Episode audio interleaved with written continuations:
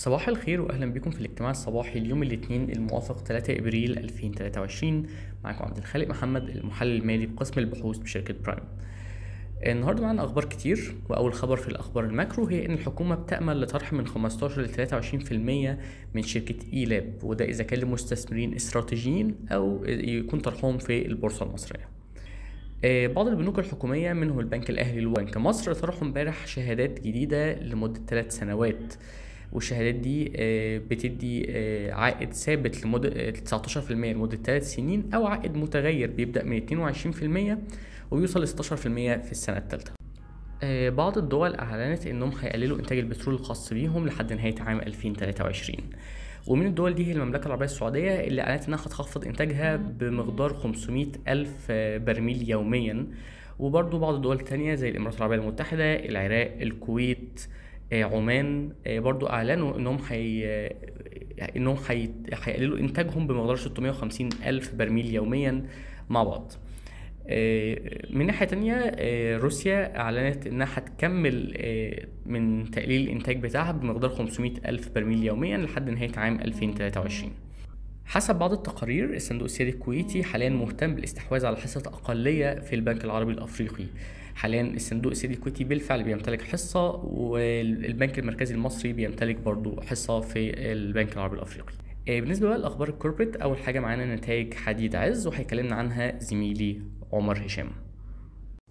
شركة حديد عز أصدرت نتائجها المجمعة ل 2022 سجلت صافي أرباح 4.3 مليار جنيه وده زيادة بنسبة 21% على أساس سنوي بإيرادات أعلى بنسبة 24% على أساس سنوي وصلت 84 مليار جنيه مدفوعا بارتفاع حجم مبيعات أطوال الصلب بنسبة 11% على أساس سنوي على خلفية ارتفاع الأسعار المحلية. وبرضو حجم مبيعات لفائف أسلاك الصلب المحلية زادت 24% على أساس سنوي. بالرغم إن مبيعات التصدير انخفضت بنسبة 38% على أساس سنوي التأثير السلبي مكانش قوي بسبب انخفاض قيمة الجنيه. بالنسبة لنتائج الربع الرابع صافي أرباح الشركة قلت بنسبة 47% على أساس ربع سنوي وده بسبب إن الشركة سجلت خسائر فروق عملة 2 مليار جنيه مقابل 308 مليون جنيه في الربع الثالث وانخفض حجم مبيعات حديد التسليح المحلي بنسبة 20% على أساس ربع سنوي بسبب انخفاض الطلب. نلاحظ أن صافي ربح العام 2022 لا يشمل خسارة فروق عملة البالغة 5.3 مليار جنيه المسجلة لأول شهرين من 2023 اللي إحنا أبلغنا عنها في 5 مارس. شكرا يا عمر. وفي بقية الأخبار برضو معانا النتائج بتاعة الثمان شهور لشركة اسكندرية لتداول الحاويات حيث إن صافي الربح بتاع الشركة نما بنسبة 182% على أساس سنوي ووصل ل 2.8 مليار جنيه مصري تقريبا. وده كان مظبوط مع توقعات بحوث برايم ولكن كان أعلى بنسبة 38% من توقعات السوق. إيرادات الشركة حققت 2.9 مليار جنيه وده بزيادة قدرها 88% على أساس سنوي وده كان أقل شوية من توقعات برايم بنسبة 8% وكان أعلى ب 4% من توقعات السوق.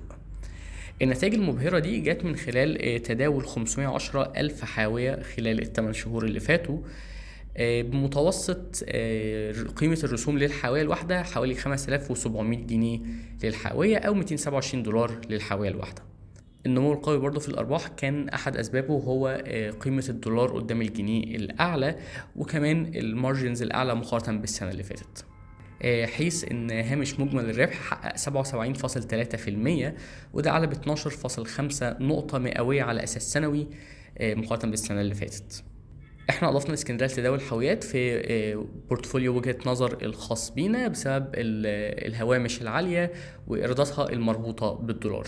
وإحنا عندنا تصنيف بزيادة الوزن النسبي مع مخاطرة متوسطة على الاسكندرية لتداول الحاويات اللي إحنا نشرناه في تقريرنا كسر أمواج أعلى. وعندنا سعر مستهدف خلال 12 شهر بقيمة 26 جنيه و10 قروش للسهم الواحد وده اللي بيدينا ارتفاع محتمل بنسبة 36% تقريبا. صافي أرباح B Investments نما لحد 846 مليون جنيه في عام 2022 مقارنة ب 105 مليون جنيه بس في العام في عام 2021 التطور الكبير في صافي الأرباح كان بسبب بيع حصة B Investments في شركة TotalEnergies اللي سجلت تقريبا 1.4 مليار جنيه مصري. وبرضو إحنا حابين ننوه ان ايرادات الشركة آه، نمت ووصلت ل 1.5 مليار جنيه في 2022 مقارنة ب 163 مليون جنيه بس في العام اللي قبله. مجلس إدارة ابن سينا رفض توزيع أرباح للعام المالي 2022 آه، بينما إن مجلس إدارة شركة إيبيكو آه، وافق على زيادة رأس المال وتوزيع أرباح نقدية حيث إن شركة إيبيكو هتوزع أرباح نقدية بقيمة 2 جنيه مصري للسهم الواحد.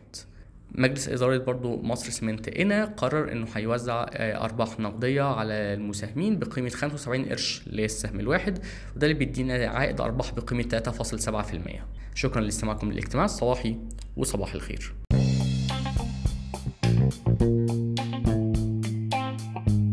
يرجى العلم أن هذا العرض هو لأغراض معرفية فقط، ولا يمكن اعتباره عرض أو توصية شراء أو بيع أو إدارة استثمارات أو خدمات استشارية. ينصح باستشارة مستشارك المالي قبل اتخاذ أي قرار استثماري، علماً بأن الأداء التاريخي ليس مؤشراً يعتمد عليه لتحديد الأداء في المستقبل.